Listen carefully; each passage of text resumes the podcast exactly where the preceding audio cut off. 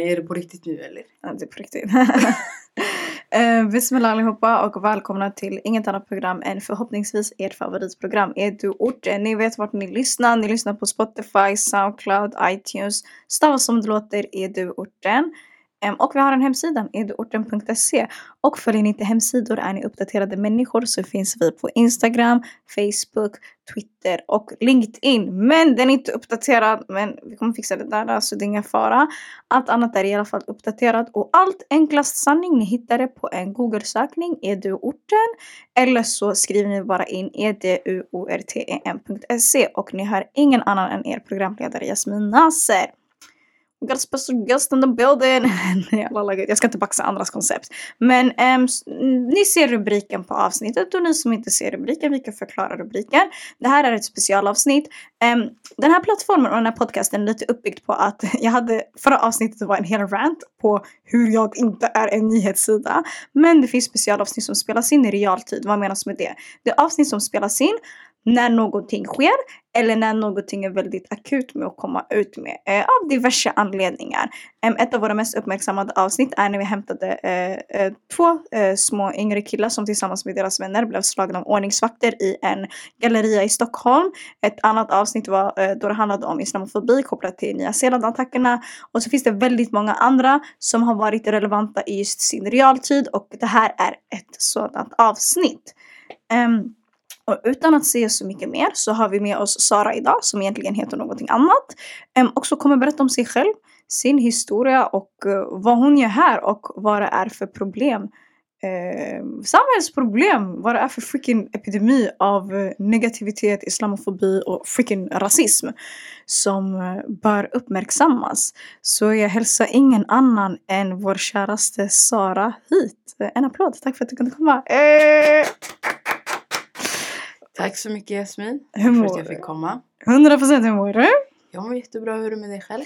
Det är bra, alhamdulillah. Jag har sagt det till dig, du ser fett avslappnad ut. Bara chill, vet du. Man ser att... Sanningen, jag är lite stressad. Jag ska inte ljuga. Är det så för att du ska vara med? Exakt, för att jag ska sitta och prata här. Skrämmer det dig? Det är att jag... Eh... Det är inte att jag inte kan prata. Men när det blir så allvarliga grejer då jag blir lite stressad fattar du? Jag det. förstår 100%. Okej okay, en presentation. Eh, vi vet redan att du heter Sara men du kan lite berätta hur gammal du är, vad du har för sysselsättning och eh, ja, vart du bor. Du behöver inte nämna områden men kanske vart, vilken, vilken, vilken stad kommer du ifrån? Lite så. Yes, från Stockholm, södra sidan. Eh, och eh, jag är 22 år gammal. Jag pluggar socialpedagog just nu och jobbar lite annat vid sidan om. Eh, jag gör min praktik just nu faktiskt i en skola. Jätteroligt. Hur känns det? Eh, det, det är lite utmanande men eh, det går framåt.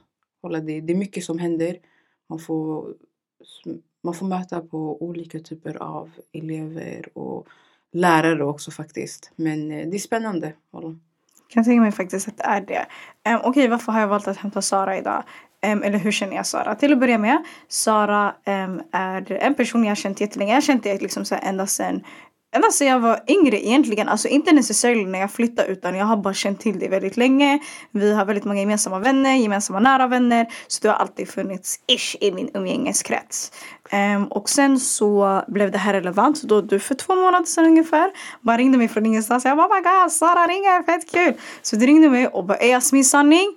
No BS, jag behöver hjälp med det här och vad händer? Och vi kommer komma in på vad det är. Um, och jag var så, jag vet inte hur jag ska hjälpa dig men vi kan göra det här tillsammans. För jag vet att jag har mycket kontakter. Jag sitter inte nödvändigtvis på jättemycket kunskap. Alltså, man ska inte sitta och säga att man är osmart så och så, ja, ni klankar ner på sig själv. Men ibland folk de lägger en på en sån här high pedestal. Speciellt när man har den här podcasten. Så, oh my god du vet så mycket, du kan så mycket. Jag hämtar folk som säger vad de vet och så lär jag mig typ av dem. men det var så Jasmin, Bakmi mig. Och jag var så vet du vad, ingen fara. Och sen har vi mer eller mindre haft uh, ganska nära kontakt ända sedan dess. Och här sitter vi idag. Um, och vi sitter i anledningen av att du arbetar som väktare för ett säkerhetsbolag eh, som heter Rapid Säkerhet AB och som inte tillåter sina medarbetare ha på sig slöja generellt sett och i ett av deras uppdrag och det uppdraget är när man jobbar som väktare och som trygghetsvärd i tunnelbanan eller i Stockholms tunnelbana för att vara exakt. Och det är mer eller mindre det vi har pratat om och lite en process som vi har försökt driva med varandra innan vi har tagit det medialt, eh, vilket du valde att göra och som jag har hjälpt dig med och där vi är idag mer eller mindre. Men jag tycker innan vi går in på det Först och främst, jag tänker berätta om dig själv. Yani, vem är du? Okej, okay, man är med om saker, livet är jobbigt och så. Men jag tänker bara, man vill lite lära känna människan bakom Människan som vill ändå träda fram bakom allt det här. Så jag tänker, vem är du? Hur skulle du beskriva dig själv Sara? Um, och vad fick dig att dels vilja arbeta med människor, som väktare arbetar man ju med människor. Men du nämnde också att du är socialpedagog, att du älskar att arbeta med barn och ungdomar, har gjort det tidigare och jag har varit med i det också. Så berätta lite om dig själv, vem är du och varför typ gör du det du gör? Innan det så kan jag ju berätta hur eh, du kom upp i mitt huvud när jag tänkte på hela den här storyn. 100% berätta till mig. Och det var ju, som du sa, vi, vi, in, alltså vad är det, jag flyttade hit till eh, Sverige 2005.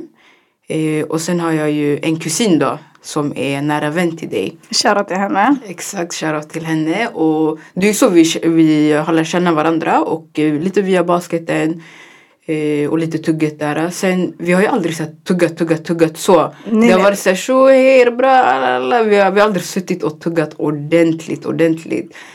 Men eh, jag, kommer... jag känner ju det ändå, fattar du? Vi känner varandra bra. Exakt, så, och vi har känt varandra länge också. Mm -hmm. eh, och sen det var bara, jag var såhär, jag bara, ey, jag bara den här storyn, jag bara, jag måste göra någonting. Och jag tänkte, jag bara, jag bara, vem är det som kan det här? Och det är inte, alltså som sagt, det, det är ingen nyhetssajt eller någonting. Men jag tänkte, jag bara, Jasmin. Jag bara, Jasmin, där har vi henne. Och sen sa jag ju till eh, Ja, din kusin, ja skit i. Ja, min kusin. Eh, då sa jag till jag bara, jag bara, det här, det här har hänt. Och jag bara, vet du vem jag ska dra med mig? Jag bara, jag ska ta med mig Jasmin. Och hon dog av garv. Hon bara, ärligt? Hon bara, på gud. Hon bara, jag är det hit och dit. Hon bara, ring henne, kontakta henne. She crazy man. och sen, eh, det var ju faktiskt hon som gav mig ditt nummer också. Mm. Så, här sitter vi idag alla. Exakt, exakt. Um, berätta om dig själv, vem är du? Jag Eh, vad ska jag säga? Jag, jag är väldigt... Eh, eller nu jag har lugnat ner mig lite nu. Men annars, eh, vad är det, typ under gymnasietiden och sånt. Det var, det var, det var lite för mycket eh, ljud från mig. Men annars, jag, voilà, jag, jag, jag är ganska lugn, skön. Det går att prata med mig. Jag är inte, jag är inte någon hetsig människa. Jag är ingen gud som vevar eller någonting. Jag är ganska chill som känner mig lite sen tidigare vet att jag är inte är den som pratar alls. Alltså, det är inte att jag har problem för att vara social eller någonting. Jag vet inte, jag är bara, jag är bara fett tillbakadragen typ. Fattar okay. du? Ja, man får jag, introverta. Jag gillar inte, jag gillar inte stå sådär i centrumet och prata sådär. Jag är hellre lite där bak, lyssnar, kollar läget. Eh, sen, nej, jag är inte någon extrovert. Men jag förstår vad du menar. Men jag är jätteblyg jätteblyg nu. Alla mina kompisar kommer skratta åt mig. Men jag är jätteblyg faktiskt. Jag tänker, varför har du valt att arbeta och studera det här med att jobba med människor? Det, jag tror det är bara att alltså, just socialpedagog, eh, det var nog, eh, jag hade lite människor runt omkring mig som, eh, nu säger jag inte att alla socialpedagoger jobbar bara med barn och ungdomar som har det jobbigt eller någonting. Det kan ju vara på fritidsgård, bara chilla och jobba. Men just nu det var för att eh, jag hade några i min omgivning som hade det fett tufft. Och jag var med i bilden jättemycket och var där, stöttade, hjälpte till och allt. Så jag kände med åren, jag var så här, för jag visste inte vad jag ville bli.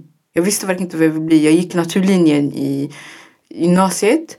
Men det var så här, jag visste att det var fel. Men jag kunde Sen det var så här, ja men kör bara. Men eh, det är väl att som sagt, de här människorna runt omkring mig, jag fick lära mig så mycket. Och idag om du säger till mig gå ut och jobba som en socialpedagog. Jag, hade, jag känner mig så stabil från det jag har lärt mig att jag kan klara mig typ.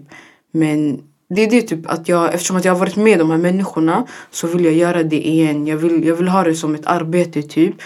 Samtidigt som det, jag har sett väldigt mycket, jag har hört väldigt mycket, jag har varit med om väldigt mycket. Så jag känner att jag sitter på det jag behöver sitta för att gå ut och jobba med människor. Så därför har jag gått vidare med det faktiskt. Fett kul att höra. Man hör att du brinner för det. Eh, Man hör att jag brinner jättemycket för det här. Du fattar inte. Du vet, och det, det handlar om att jag gillar inte att jobba inom för ramarna bara. Fattar du? För när man jobbar med människor, man måste jobba utanför. Du kan inte sitta i den där ramen och tänka att du ska göra skillnad som är sådär, ah wow, nu har jag gjort någonting. Absolut, det går. Men du måste, du måste, du måste utvidga dina Vi är. vyer. Exakt. Bara tänka utanför boxen och våga gå utanför ens comfort zone eller Exakt, bekvämlighetszon. Exakt. Jag pluggar till socialpedagog och du valde att börja, som, eh, börja arbeta som väktare under 2019. Berätta, vad fick du vilja söka till och börja arbeta som väktare? Ehm, det var ju också där, jobba med människor.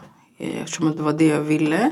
Och Trygghet Sverige, jag väntade faktiskt med att söka dit eftersom att jag var för ung innan. Så jag väntade, så precis när jag fyllde 21 då gick jag och sökte. Eh, och eh, av en slump bara jag kom in. Det var, jag skulle egentligen inte ens få börja jobba eftersom att vad var det, det var, det var för mycket som hade, det var för många som hade sökt och sånt. Men nu de behövde tjejer. Så då jag kom in. Och innan jag sett dem jobba där i tunnelbanan. Då jag var så här, jag bara, någon dag jag ska komma in dit och jobba. Och jag hade ju pratat med en kollega då. Som, då jobbade inte jag där utan det var bara en slump. Jag, eh, jag stod vid tuben. Så de kom fram och pratade med mig. Så jag sa, vet du vad? Jag bara, du kommer hitta mig i ett företag en dag.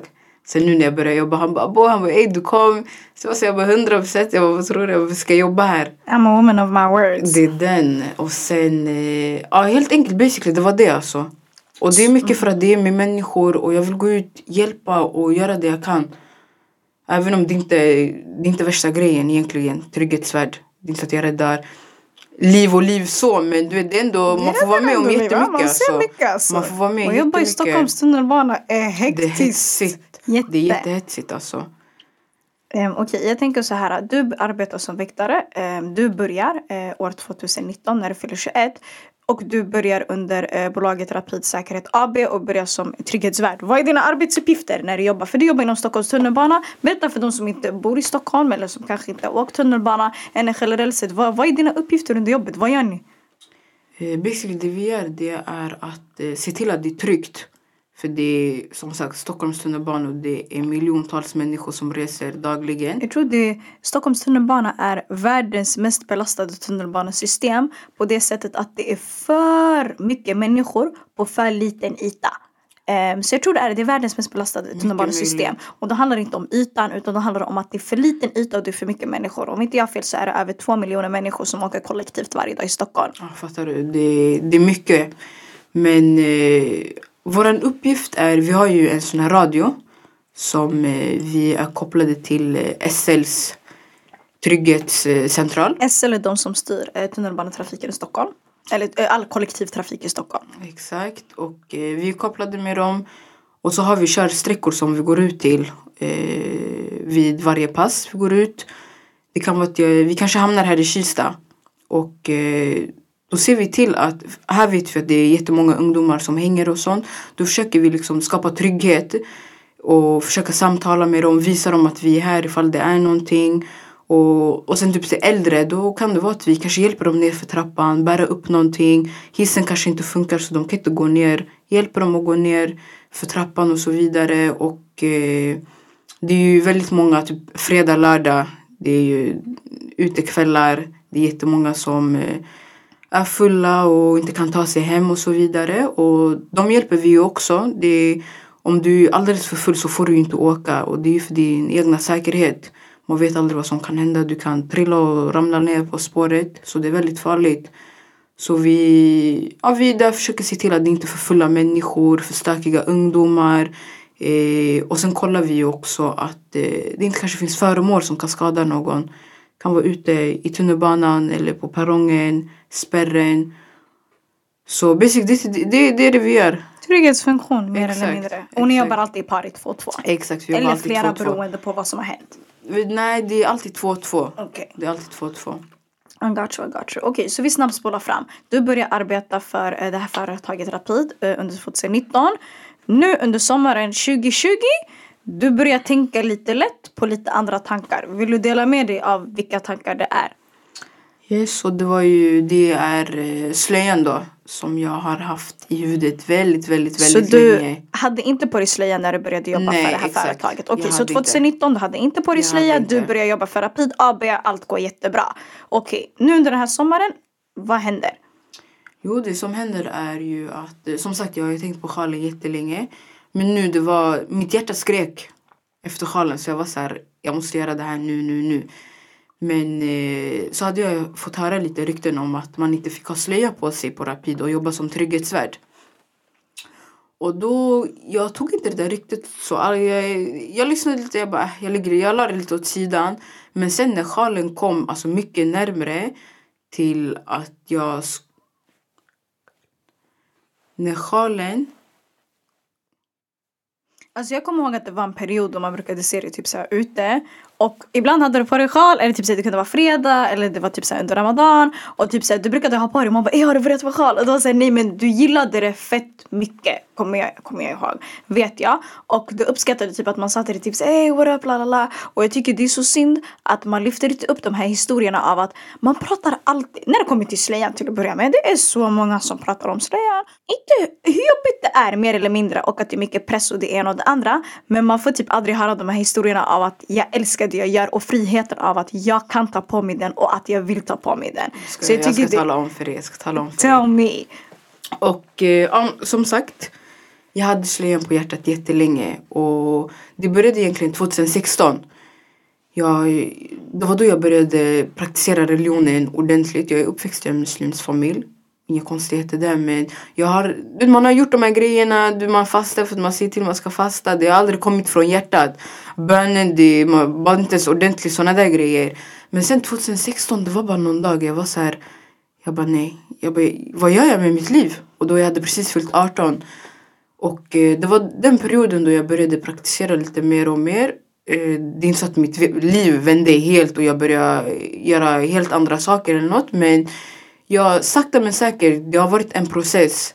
Men nu senaste åren, du vet när jag på typ fredagsböner. När jag, när jag går på fredagsbönen då jag har på mig min sjal, min abaya, jag går dit och jag lovar dig, jag, är- jag är så glad och typ, jag känner mig som en liten flicka som är jättelycklig och typ springer på gräsmattan där ute på sommaren. Så jag känner mig jättelycklig när jag har sjalen på mig.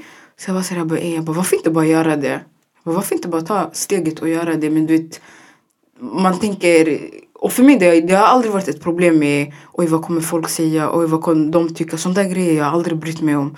Men det var mer, nej vänta jag måste, jag måste köpa nya kläder först för jag vet, kläderna jag hade i min garderob var absolut, det var inte rätt kläder alltså. Eh, ja, det var bland annat kläder och vissa saker som jag gjorde. Typ. Så under åren jag har sakta men säkert jobbat bort alla de här grejerna. Och eh, så nu den här sommaren jag bestämde mig för att sätta på mig sjalen. Och när jag satte på mig den, eller innan jag satte på mig den, jag frågade ju Rapid. Vad, vad är det för regler som gäller? Jag ringde då min driftchef. Då frågade jag henne, jag bara, ah, jag, bara jag har hört det här. Och, och det här med att man inte får ha sjal på sig. Hon var så här, hon bara, ah, hon bara, man får inte ha sjal på sig när man jobbar som trygghetsvärd. Och det var, basic, det var egentligen bara Rapid. Man får inte ha sjal på sig när man jobbar för Rapid. Och att eh, det, är en, och att det handlar om att alla anställda skulle vara neutrala och, det, och det, det var någon policy som kom från SL också tydligen. Att det, det är Rapid och SL som har, eh, eller Rapid har det här avtalet med SL. Där det står att eh, vi ska bara ha vår uniform och inget annat.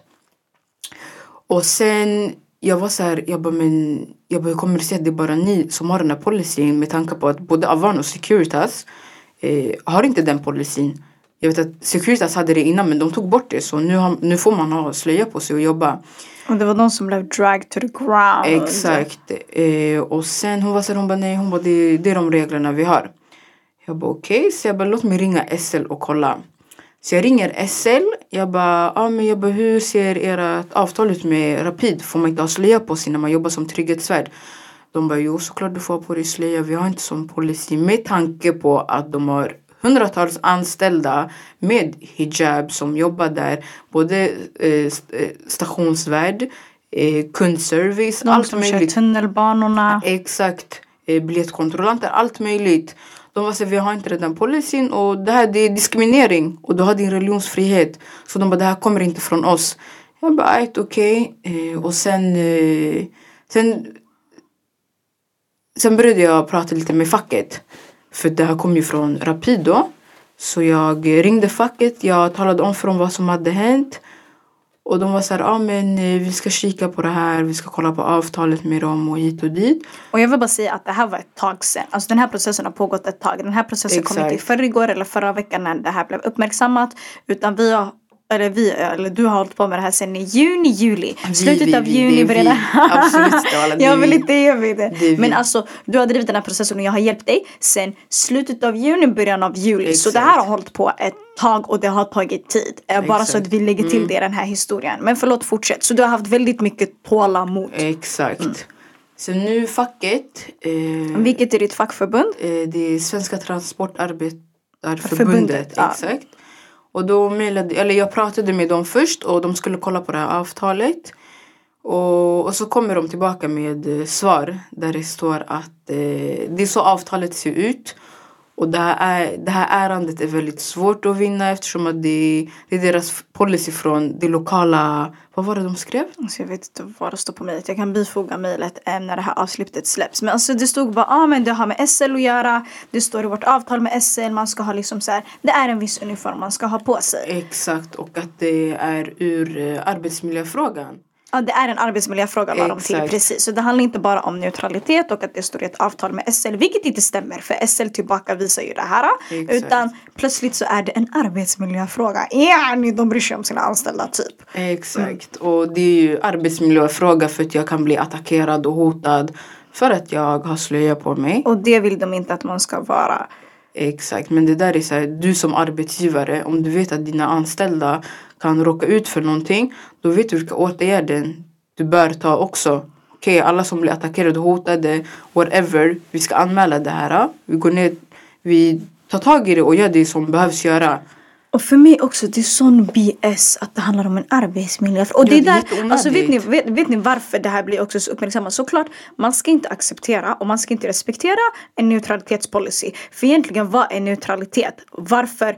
Um, Okej, ehm, alltså normalt sett neutralitet, man förbinder alltid med en sekulär klädsel. And what is that about? Ja, alla SAS inom citattecken. Varför är moderna kläder det som anses vara neutralt? Varför är det en viss typ av kläder som är neutralt men vissa är inte andra? Det är vem är det som bestämmer vad som är neutralt? Så där kommer hela problematiken med neutralitetspolicyn och varför den inte är acceptabel. Tyvärr, det finns två domstolsbeslut från EU där det är två enskilda fall eh, då det är två slöjbärande kvinnor i Belgien och Frankrike som har bärt hijab och de har, eh, deras företag har vunnit i deras fall om att de inte får ha hijab på jobbet och EU-lagar eller EU-beslut går ju över svenska beslut och det är just svenska företag kan applicera det här. Men uh, alltså det är så mycket BS för att om man jobbar inom tunnelbanan du ska spegla den mångfalden. Exakt. Och om ordningsvakter har rätt till att göra det, om andra företag har rätt till att göra det, varför läcker Rapid balla? Alltså Exakt. rakt utav, vad är, vad är det som hindrar dem? Lite lätt så. Och Rapid är också ett företag som är väldigt kända för att anställa alla. När det handlar om mångfald, de anställer alla och de Mm. har väldigt mycket mångfald. Du hittar de är verkligen de som tar emot alla arbetare. Oj, de som tar emot alla arbetare ingen vill ha. Det är grabbar, grabbar som jobbar för Rapid. Och många ser väldigt muslimska ut. Är det med skägg, är det med uppvikta byxor, det ena eller det andra.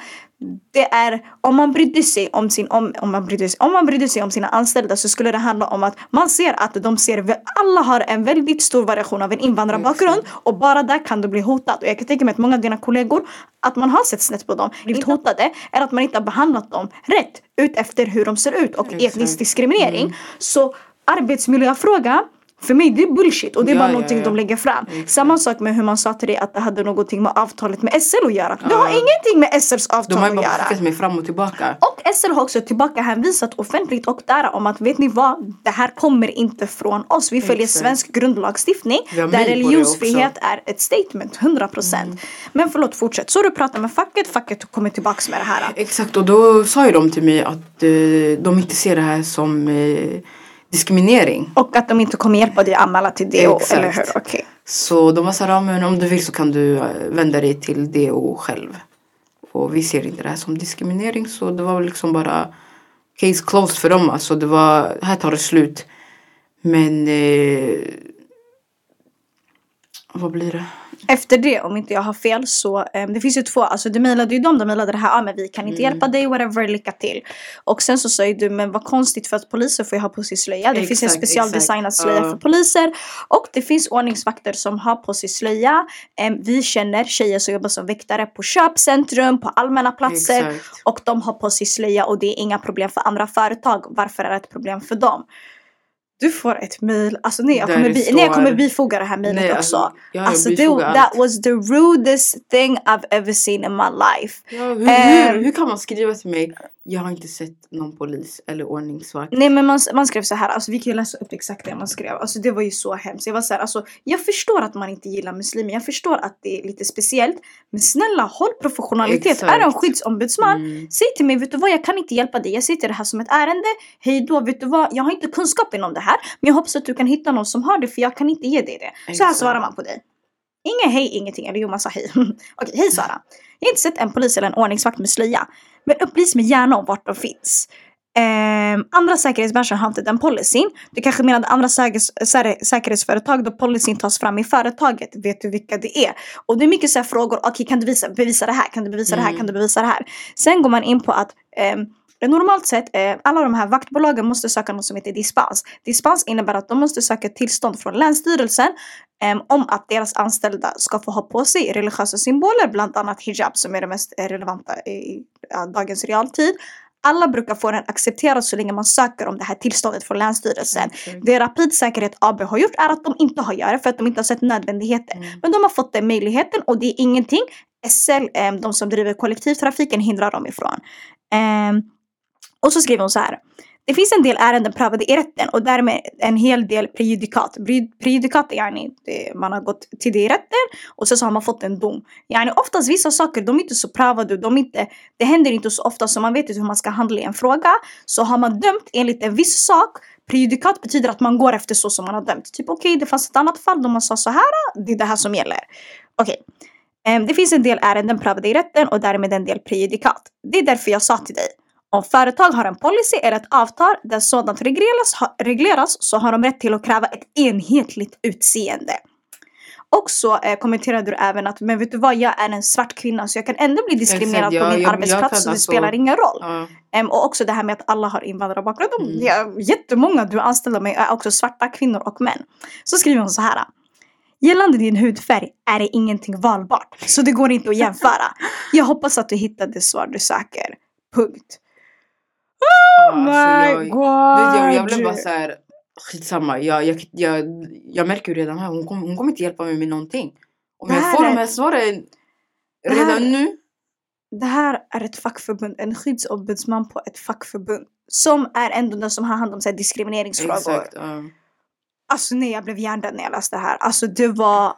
Alltså rude. Inte ens rude, det är bara så här. Säg bara du kan inte hjälpa mig och gå Exakt. vidare. Mm.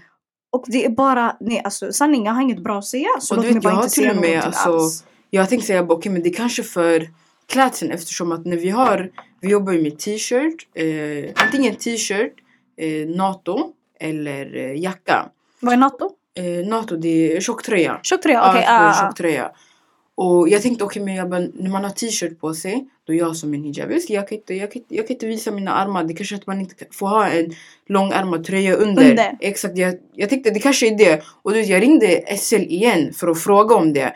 Jag bara, jag bara, om, och jag bara, om jag har slöja på mig och jag vill ha en förlängd arm under min t-shirt. Går det bra? Hon var så ja, ja. Hon bara, det går bra. Hon bara, allt handlar om att du inte ska täcka SL-loggan och Rapid-loggan. Hon bara, det är bara det. Annars hon bara, det går. Så det är liksom det, det här enhetliga, det här med att jag och min kollega ska ha samma kläder på oss. Det kommer ju från Rapid. Och om jag har en förlängd arm, de kommer säga till mig, nej du får inte jobba så. Eftersom du inte jag och min kollega är enhetliga. Men enligt SL, de har ju inga problem. Så det är ju själva Rapid. Som kommer med det här skitsnacket. Okej, jag tänker efter att facket har skickat det här, det är fram och tillbaka i ett tag. Vad händer efter det hos dig? Du får det här svaret, ah, hitta det svaret du söker själv. Jag kan inte hjälpa dig. Ah, du, har- du har inte valt att vara svart men du har valt att bära slöja. Nej, jag tänkte bara nu, jag, jag, jag har varit för snäll. Jag tänkte jag har varit för snäll. Tänkte jag har inte jobbat där sen i slutet av juli. Jag har inte jobbat någonting där. Så jag tänkte, jag bara, nej, jag bara, nu är jag för snäll. Och det var ju då jag och du började hela den här uh, ruschen med att fixa och klistra och klippa ihop allting. Vi tänkte bara, okej men då vi skickar ut det här till media. Så går vi till botten med det här. För det är inte okej. Okay. Det är absolut inte okej. Okay. Med tanke på det här, slöjan, det är, min, det är så jag identifierar mig. Det här är en del utav mig. Och vadå, vad, ska jag behöva säga upp mig för att jag har sjal på mig och inte kan jobba där för att jag har sjal på mig? Det går inte. Med tanke på att alltså, Sverige är ett mångkulturellt, mångkulturellt land. Du, du bara glömmer den där tanken att jag inte kan jobba med slöja. Vi kan även lägga till det här att det är flera, jag känner till en person specifikt, som har varit tvungen att se upp sig för att den här personen hade inte på sig slöja när den började jobba för Rapid. Helt sjukt. Eh, jag känner den här personen, eh, jag kan inte, eh, man behöver inte nämna namn och så, men jag känner den här personen sen innan det jobbar som väktare, har följt den hela tiden, lärt känna den genom så här, lite så här, gemensamma vänner, arbetsmässigt och så. Och sedan så valde personen att jobba som väktare, älskade sitt jobb, verkligen världens finaste, härligaste tjej. Och sen så började hon med slöja och så var ett ja, ultimatum. Hon var tvungen att säga upp sig. Och det har hänt säkert mycket flera och vi känner till flera fall och det här är ett utav fallen som ändå var väldigt nyligen. Jag tror det var i början av det här året eller slutet av förra Exakt. året och därav det riktigt du även har hört. Exakt. Så det sjukaste för mig är att man också typ såhär att det är så accepterat typ, Exakt, förstår du? Alltså varför ska hon behöva säga upp sig? Nej det finns till och med alltså, som... tjejer som har blivit nekade Jobb, vid intervjuer, fattar du? De har varit såhär, vi kan inte ta emot dig för att du har slöja på Och dig. de historierna har inte heller kommit fram, Exakt, förstår du? Om mm. att man nekas redan vid dörren. Vi har mm. hört de här andra historierna kring eh, Aya som trädde fram eh, när det handlade om SAS, att SAS inte ville anställa henne på laget eftersom att hon bär slöja. Samma sak med eh, Huda som var den som blev uppmärksammad i samarbete, samarbete eh, i sammanhanget när Securitas eh, Liksom inte eh, nekade folk på deras intervjuer och sen så arbetade hon redan för Securitas och då var det att hennes anställning och hennes avtal, man visste inte om det var lika relevant för att hon var slöjbärande och det var ingenting man hade sagt till henne heller och då trädde hon också fram eh, offentligt, shoutout till dem. Så vi snackade ihop oss, jalla. Vi skrev till medierna. Vad var det som fick dig specifikt att vilja vända dig till media och säga vet du vad alla ska höra det här? För det krävs ändå en styrka. Ja, för hur, hur länge ska de komma undan med det här? Jag tänkte, jag tar på mig det här ansvaret och går ut med det eftersom nu det är flera, det är flera tjejer som har bara typ, accepterat att okej okay, och jag får inte ha min slöja på mig och jobba. Okej okay, men då går jag vidare. Men jag, jag ska inte gå vidare någonstans. Jag tror inte ens att man inte accepterar det. Man har inte energin att göra eh, någonting. För det, det tar redan så mycket på en. Det vet. också men det är såhär, hur länge ska det här pågå? Står vi fortfarande kvar i... Och diskutera alltså, slöjan. Exakt. Det, så jag tänkte jag bara nej, jag, jag kommer inte blunda för det här. Jag kommer gå vidare med det här. Och förhoppningsvis, jag hoppas att de förstår hur allvarligt det här är och lägger till slöjan. Jag, jag, du vet, jag vet inte ens vad jag ska säga för jag blir så på vilket sätt stör mig själv det egentligen? Vad är, mål, det... vad är målet för dig med hela den här, alltså att uppmärksamma det medialt? Är det typ så ett ultimatum du vill att Rapid ställs inför? Med att vi, upp, eller vi, att du uppmärksammar hela det här och ändå går ut och bara vet du vad det här har hänt mig, jag får inte jobba vidare. Jag vill att de ska förstå vad de säger nej till och att jag vill att man ska få, målet är att man, jag, ska, jag ska kunna ha slöja på mig och jobba som trygghetsvärd utan att behöva se upp mig eller som någon skrev på Facebook att jag ska ha den på min fritid bara. Ja där! Jag sa att jag inte läsa de här kommentarerna. Nej, det var ju någon som skrev varför inte du slöja på dig på fritiden? Alltså, ja men på jobbet så ska det vara på jobbet. Jag där. Eller att man Exakt. inte ska på sig Så i alla fall målet är i alla fall att uh, få på mig slöjan och jobba som trygghetsvärd. Och nu undrar säkert många varför är du anonym? Och det är ju egentligen bara Ja, för, för, att du har gått ut med ett annat namn och du visar Exakt. inte ditt ansikte um, i de reportage och de tidningsartiklar som har släppts. Varför har du valt att göra det? Det är ju för min egna säkerhet jag vet islamofoberna där ute, pallar ska komma utanför min port och göra scener. Och det är inte att jag inte kan stå upp för det jag har att säga. Det är bara jag tänker på min egna säkerhet. Och jag är inte heller en offentlig person så att jag kan bara, jag känner nu ska jag ut och göra det här. Men all hat, allting, jag kan ta emot det via medien och sånt där. Jag bryr mig inte. Men jag pallar inte att folk ska komma utanför min dörr. För det finns människor som har den energin. Så det var det mer synd, för det. Och det är synd att du ska behöva tänka så förstår du. Men jag vill inte bli påhoppad. Men Exakt. Um, och sen eh, tyvärr medialt, vi båda har varit med om processer, diskrimineringsärenden som har blivit uppmärksammade medialt och vi mer eller mindre har haft med det att göra. Och vi har sett hur det har gått till mer eller mindre. Exakt. Eh, och man har den erfarenheten och man vet med vad det kommer med. Men jag vill bara säga till alla där ute som har varit offentliga, eh, som har varit in the public och skött det här uh, offentligt och kämpar för sådana här frågor. Jättestor shoutout till er. Mm. Må gud underlätta för er. Amin. Det är Amin. inte enkelt för folk ger kaos med. Ja, ja, ja. Och för mig det är lite så här. Ha samma, eh, det är bara jag, jag vet, jag vet inte if that's just so street about me. Men jag är sådär, den energin visar mig den fysiskt. Alltså inte för att vara så men det är mycket som pratas, det är mycket snack, det är mycket Exakt. hotbrev, det är mycket hotmail. Men ute i samhället, alltså jag blir, jag blir rädd ibland när jag går runt. Och man tänker inte så men ibland slår tanken en att när jag går förbi stan Folk kollar på mig och hatar mig så Mm. mycket men jag, de visar inte det. Vissa kanske ler, vissa Exakt. kanske serverar kaffe till mig. Och du blir rädd av att du vet inte typ vilka du ska akta dig för. Exakt. För att alla, det, känns, det är så många som har agg mot dig men du vet inte Mm. det. Men så fort du kommer till cybervärlden så är det att det är så många som har så mycket att säga och jag blir så här, snälla ge mig den här energin in real life. Inte för att den är trevligare då men den är ärlig och jag uppskattar ärlighet. Mm. Och allt sånt här inofficiellt, det är inte ärlighet. Nu Rapid, varför står det inte på deras hemsida att de har neutralitetspolicy? Varför är det inte det första? Varför är det inte högt att det här är det vi går för? Exakt. Är det någonting man skäms för? Förstår du? Och jag tänker när vi kommer in i det, hur får det här dig att känna? För du började ändå nyligen med eh, att vara slöjbärande eh, muslim. Mm. Och det här är det första du bemöter. Att eh, jobbet du har jobbat för, trivs väldigt mycket i företaget du arbetar för, backar inte dig och eh, du får inte jobba på grund av att du har börjat med slöja. Hur får det dig att känna? Alltså, grejen är att innan jag satte på mig sjalen, jag tänkte ju, jag tänkte ju, jag bara, okej, jag bara, jag pluggar socialpedagog. Kan jag jobba fritidsgård? Kan jag jobba skola? Och med tanke på att jag, jag har ändå abaya på mig. Eh, du har liksom så här långa... Exakt, långa kläder på mig. Då tänkte jag, okej, var kan jag jobba med de där kläderna? Så jag, jag checkade runt lite och det jag ville jobba, det var, det var ändå grönt. Jag får ha på mig de här kläderna. Så det var Så- någonting du redan hade tänkt på innan. Så du Exakt. hade redan de här... ehm, du var ändå Jag orolig visste, jag över... visste att jag kommer få möta på massa grejer. Så det var någonting du var beredd länge, på? Du, jag det var det du var beredd på? Ja, ja jag, var, jag var beredd på det. Men du, jag, jag tänkte in- inte, inte från Rapid. Jag tänkte de kan bättre med tanke på att halva företaget är ändå muslimer. Inte halvför, alltså hela det här företaget Alltså, är typ. muslimer. Legit! Typ, alltså, de alltså, le- 97 procent är typ om muslimer. alla, alltså om alla praktiserande muslimer skulle sluta på Rapid, Rapid skulle gå i konkurs. Alltså Ja, det är så pass, exakt, förstår du? exakt. Och det är bra, det är bra med liksom mångfald, det är bra att anställa folk som ingen vill anställa, förstår du? Exakt. Eh, så jag hade ju tänkt på de här grejerna redan innan. Men det här, jag tycker bara... Hur, Känner du Det- att det du alltså- tänkte innan hindrade dig från att börja med sjal? Att man liksom sköt fram det lite och var såhär, men nej jag kommer ha det Det svårt. är det, grejen, jag sköt fram det med inte." tanke på att jag var så här, jag måste hitta nytt jobb, jag måste hitta nytt jobb, jag måste hitta nytt jobb. Samtidigt som du, du har din iman, du tänker, tänk om jag dör imorgon och jag hinner inte göra det här. Eh, Din iman är liksom såhär din tro. Exakt. Eh, så det, det, har varit, det har varit ganska jobbigt faktiskt med tanke på att jag har skjutit upp det här ett bra tag. Och nu mitt, alltså den sista, sista grejen, det var verkligen jag måste hitta nytt jobb.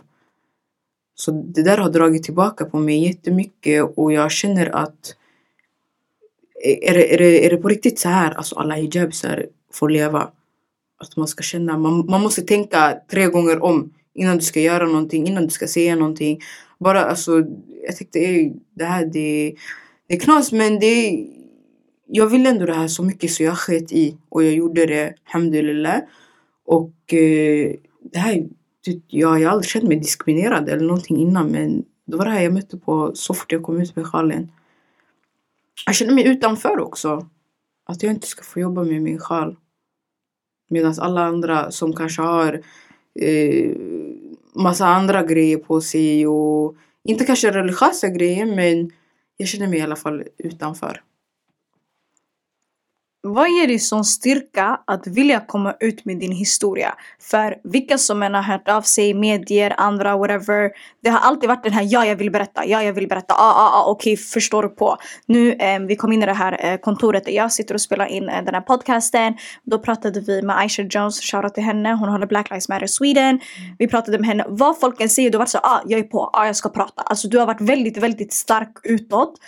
vad, vad har fått dig att kunna göra det? Alltså, och vilja ta på dig en kamp som många till att börja med inte orkar med och som många fruktar. Och det du även nämner att du har gjort tidigare. Så vart kommer det typ ifrån? Helt ärligt, det handlar om att jag tycker inte det här är rätt. Det här är inte rätt och den här policyn ska bort. Det handlar om det. Så jag vill att det här ska nå ut till många, till, eh, till så många som möjligt så att vi kan göra det här och vinna den här kampen och inte låta dem smyga iväg med det här. Det handlar om det, inget annat. Så bara rätt ska vara Bara rätt. Det är det som driver dig. Exakt. Jag ska få min rättvisa och det är också det, det här är inte bara för mig heller. Det är för framtida systrar alltså. Det är jobbigt. Du ska, du ska dra tillbaka för att du har slöja på dig. Du ska tänka på det för att du har slöja på dig. Och att man ska låta företag vinna. Exakt. Genom att kunna se så ah, men du kan ta på dig slöja. Vad är nästa sak som vi ser nu i kommunala skolor? Ah, man får inte ha på sig slöja i kommunala skolor eller whatever. Förstår Mm. du? Det tränger sig närmare och närmare in. Ehm, på ett sätt också för att islamofobin är så accepterad och normaliserad idag. Men också för att vi accepterar det. Vi är också en del av problemet när vi accepterar det och när vi normaliserar det och säger ah whatever. Jag ska inte ljuga. Från början, det var skitsynd att jag fick höra det du, hade, eh, det du upplever. Och jag fick ju höra den här historien tidigare om hon som var tvungen att säga upp sig. Jag var så aboja ah, och det är inte rätt. Och såklart man blir lack. Men jag blev inte så arg. Man tänkte inte på det lika mycket. Man var så skitig. Såklart, man ska anmäla, man ska göra sin grej. Men jag vet inte hur jag ska förklara med att eh, inte att det inte touchar en men man blir väldigt blunt. Man blir väldigt, man blir väldigt van med väldigt Exakt, man blir mycket. såhär, aha. Så man blir så, aha så. okej, okay, man blir väldigt kall till det. Man blir så, okej låt oss göra det vi behöver göra. Men när man tänker efter faktumet av att det är så sjukt att bara för att du har en religiös symbol så vill man inte ha något med det att göra. Alltså det är på riktigt ett klädesplagg. Så som man alltid har alltid pratat om att eh, man ska inte tvinga, eh, tvinga på kvinnor någonting. Alltså varför ska inte jag då ha en frihet att bara kunna göra det? Alltså det, för mig, det är inte att det är vett och etikett men det är verkligen det här att moraliskt sett, du kan inte tvinga av mig någonting som är mitt. Väljer jag Exakt. som kvinna att bestämma över min kropp och bestämma över mina kläder, vem är du som ska komma och säga någonting annat? Och där kommer vi in på att det är väldigt kvinnofientligt tänkande att sitta och inte tillåta kvinnor ha på sig slöja om vi specifikt går in i den religiösa symbolen. Mm. Och det är inte att Sverige inte förstår det. Det är inte att islamofober i västvärlden inte förstår det. Det är att man inte väljer att acceptera kvinnans frihet och den rätten vi har till oss själva just på grund av sätten vi ser ut på. Är det på grund av vår religion? Är det på grund av vår etniska bakgrund? Eh, invandrarbakgrund, vad den handlar om. Det är inte acceptabelt. Och då gäller det inte heller för oss att acceptera någonting som inte är acceptabelt från början. Och det gör en skitlack när man tänker på det. Och jag är lite sån här människa när det kommer till mig, jag vet inte, jag brukar vara såhär, vet du vad, det är chill. Mm. Men när det gäller andra, I don't F with that. Och det, det, det, det är knas. Faktiskt, man ska ha respekt för sig själv. Eh, man ska ha gränser och allting. Även fast någon gör någonting mot dig, du ska ändå agera. Men jag känner bara, när man gör det här mot andra. Det är jobbigt. Efter ett tag man pallar inte ta den. Den här processen, den, jag vet att den har varit draining. Både för dig och alla andra. Speciellt de som går igenom det här i tystnad. Mm. Må, jättemånga historier man inte får höra någonting om. Då man oftast inte vet vad man ska ta sig till egentligen. Och om vi kommer in på att avrunda snart. Jag tänker, vad är dina främsta här, tips eller vad har du lärt dig av hela den här processen av att driva igenom den här diskrimineringen som du får uppleva och har fått uppleva? Och som nu Eh. blivit uppmärksammad. Det jag kan säga är också det här med att eh, man har normaliserat det här.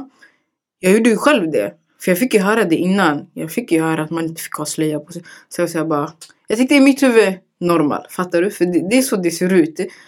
Men sen när jag tänkte efter, jag bara, jag bara nej, nej, nej, nej, nej. För nu det kom till mig själv och jag stod där. Så jag tyckte jag bara, nej, nej, nej, det här är inte rätt. Såklart jag, jag känner ändå jag kanske borde ha agerat innan. Men jag vet inte, det, det kom i alla fall upp nu när jag började tänka på sjalen. Jag tänkte nej, de ska inte få komma undan med det här. Och vad jag har lärt mig av Hela processen.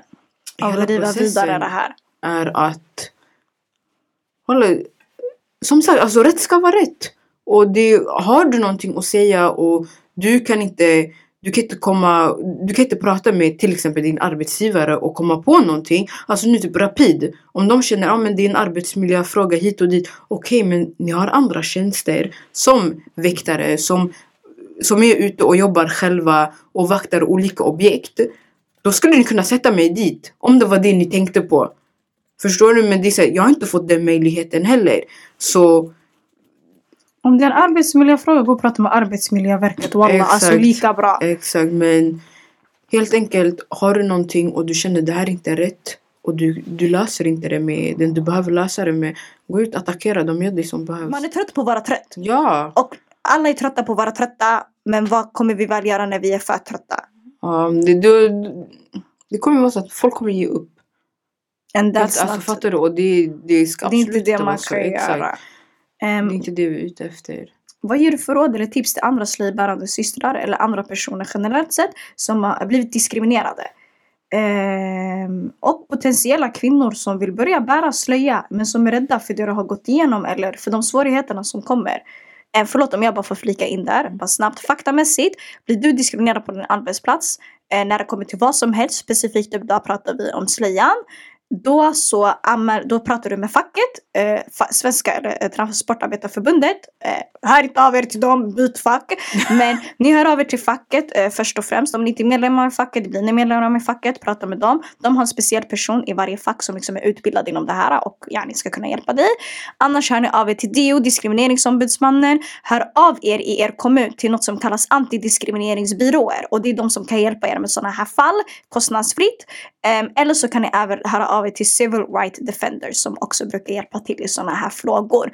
Men mer när det kommer till det andra, så här, emotionella planet. Vad ger du för råd till alla fribärande systrar som kämpar med det här? Och folk potentiellt som är rädda för att ta sig sin frihet just för att sånt här ska hända.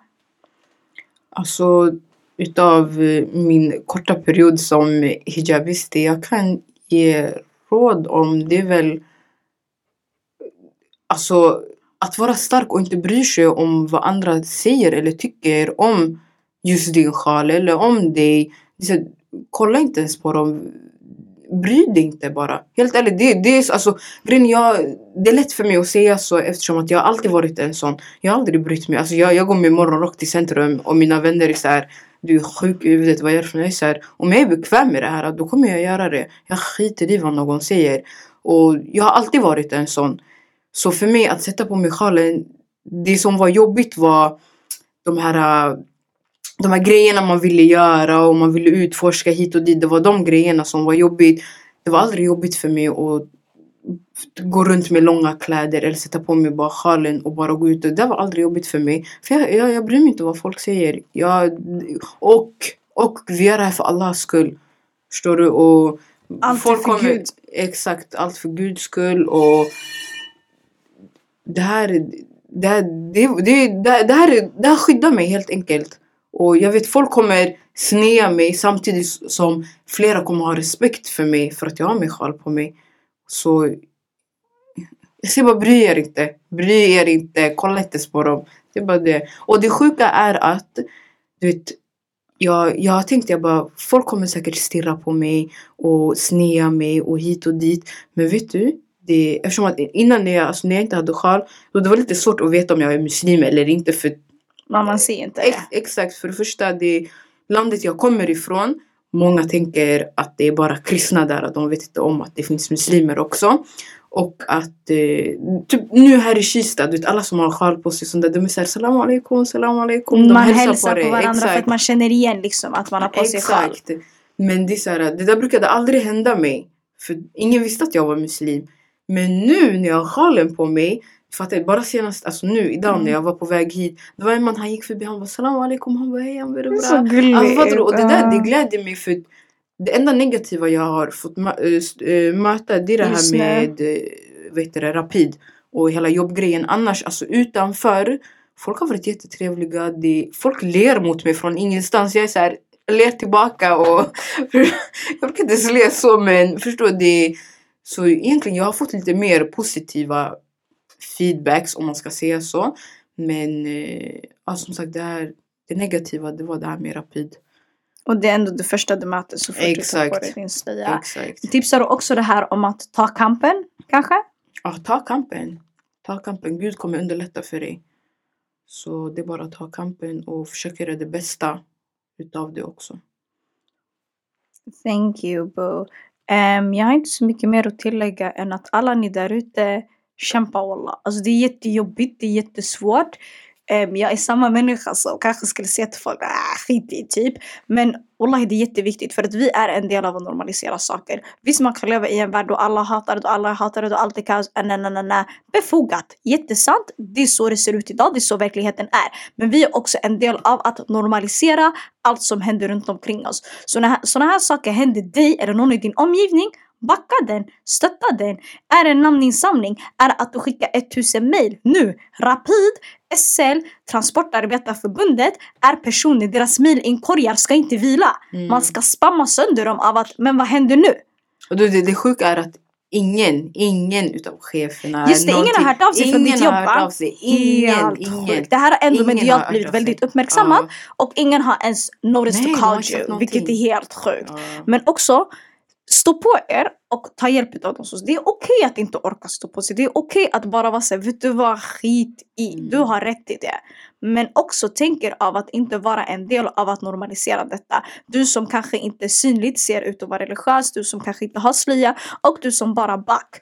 Att dela namninsamlingar, skicka e-mails eller driva igenom andra saker genom DO är viktigt. Det är viktigt för statistik. Em, jag känner mig som dubbelmoral för jag är kanske samma människa som skulle skita i. Men jag har också drivit saker genom Mm. DO. Inte för att de har gått vidare men jag fattar att det är viktigt. Viktigt för att betona för mig själv av att respektera att vet du vad, jag är värdig som människa. Exakt. Och det här, jag vet att det här är ett diskrimineringsärende fastän ett fackförbund kanske säger något, någonting annat till mig. Eller fast jag har anmält flertalet saker till DO och de har inte gått vidare. Ehm, så snälla, snälla gör det. Jag kan ge ett exempel och det är en helt annan storytime. Jag och några vänner för fem år sedan, vi blev attackerade av en kvinna på stan. Blev jätteuppmärksammad, fick jätte, tusentals visningar, delningar, allt det där. Ehm, hon blev dömd två år senare och hon blev dömd för att hon hade förolämpat oss och eh, hon fick betala dagsböter. Hon satt redan inne, this was a crazy woman. Hon satt redan inne.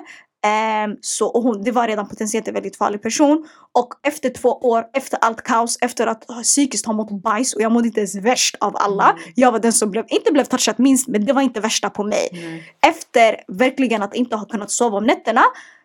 Jag vet inte om det fick en att må bättre men det fick en ändå bevisa att det finns ett rättssystem som backar vi och som ska backa Mm. oss. Vi ska inte acceptera att man kan sätta sådana här saker på oss. Så jag uppskattar jättemycket att du kom. Och jag uppskattar jätte, jätte, jättemycket att du vill dela med dig av din historia. Det är väldigt starkt. alltså. Och en eloge till alla, alla systrar. Jag vill även tillägna den här till de som ingen har hört om. De som ingen ser. De som ingen vet något utav. De som sitter och kämpar med det här i ensamhet. Shoutout till er. Ni är inte ensamma. Är det någonting ni behöver, minsta lilla jag kan försöka hjälpa till med den lilla kunskapen jag har. Men också att sprida ehm, sprida kunskapen kring vad man gör när man blir diskriminerad. DO, antidiskrimineringsbyråer, civil rights defenders. Sök diskrimineringsärenden. Du ska komma upp och ni ska få hjälp med det ni, eh, det ni diskrimineras mot. Känner ni er diskriminerade är det säkert diskriminering. Och du kan säkert bli diskriminerad utan att ens veta om det. Ehm, Dela allt ni ser, dela allt ni hör och sätt press på de här. Sätt press på Rapid, sätt press på SL och avsluta Exakt. sitt Mm. avtal. Sätt press på Rapid av att söka den här dispensen från Länsstyrelsen och tillåta sina arbetare att ha på sig slöja. Sätt press på det här fackförbundet som inte ens vill hjälpa sina anställda. Låt oss sätta press på varandra för det är så vi kommer någonstans. Ehm, jag hade inget mer att säga om det. Jätteuppskattat Sara. Ehm, lite sorgligt att man behöver spela in ett sånt här avsnitt men det behövs för att det speglar verkligheten. Och Edo-orten Exakt. handlar om en plattform då vi speglar verkligheten, vi speglar verkliga historier och eh, jätte, eh, jättetacksam över att du ville dela med dig och vara så ärlig kring din historia. Ni vet vart ni lyssnar på Eduorten, eduorten.se. Ni eh, kan hitta fler avsnitt på iTunes, Spotify, Soundcloud eh, och på sociala medier finns på Facebook, Instagram, Twitter och LinkedIn. Må bäst, ge aldrig upp hoppet. Det låter jätteklyschigt, jag säger det varje gång. Men det finns, eh, ljuset kommer alltid i slutet av tunneln. Det gör det faktiskt. Fast man inte ser det, fast man inte känner det. Det kommer. Eh, som min eh, väldigt eh, fina lillebror alltid brukar säga. Även om det inte löser sig, det löser sig. Ta hand om er, må bäst och peace.